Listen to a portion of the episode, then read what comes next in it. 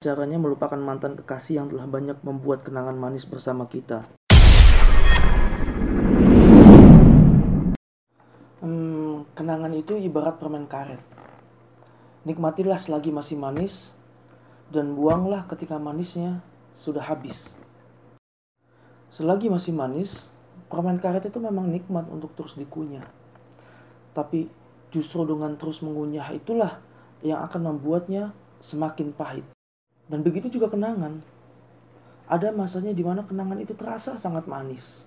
Tapi ada kalanya kenangan yang manis itu akan berubah menjadi pahit. Maka di saat pahit inilah kenangan itu sudah seharusnya untuk kamu buang. Jangan kamu pikirkan lagi karena dengan memikirkannya itu hanya akan membuatmu semakin galau dan semakin terjatuh. Padahal yang harus kamu lakukan adalah untuk terus maju di dalam hidup ini. Maka sebelum kita mengetahui solusinya, maka kita tahu dulu penyebabnya mengapa kenangan itu susah untuk dilupakan. Kamu susah melupakan kenangan itu karena selama ini hatimu dan pikiranmu itu kosong. Sehingga ketika datang kenangan-kenangan yang menurutmu itu indah, yang tidak lagi bisa kamu nikmati, maka akan terus datang ke dalam dirimu, menusuk hatimu dan menggerogoti pikiranmu. Maka solusinya adalah sibukkan hatimu dan pikiranmu. Karena kenangan manis tidak akan pernah bisa hilang.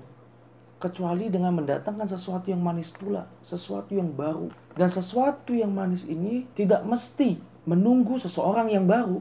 Tapi bisa juga dengan melakukan hal-hal yang positif. Menyibukkan dirimu kepada sesuatu yang kamu sukai, yang kamu senangi. Dan mengarah kepada sesuatu yang positif. Nah inilah yang akan menyibukkan hatimu dan pikiranmu dari hal-hal yang tidak bermanfaat. Ketika kamu menyibukkan dirimu kepada sesuatu yang positif, jangankan kenangan manis, bahkan waktumu pun akan kamu lupakan.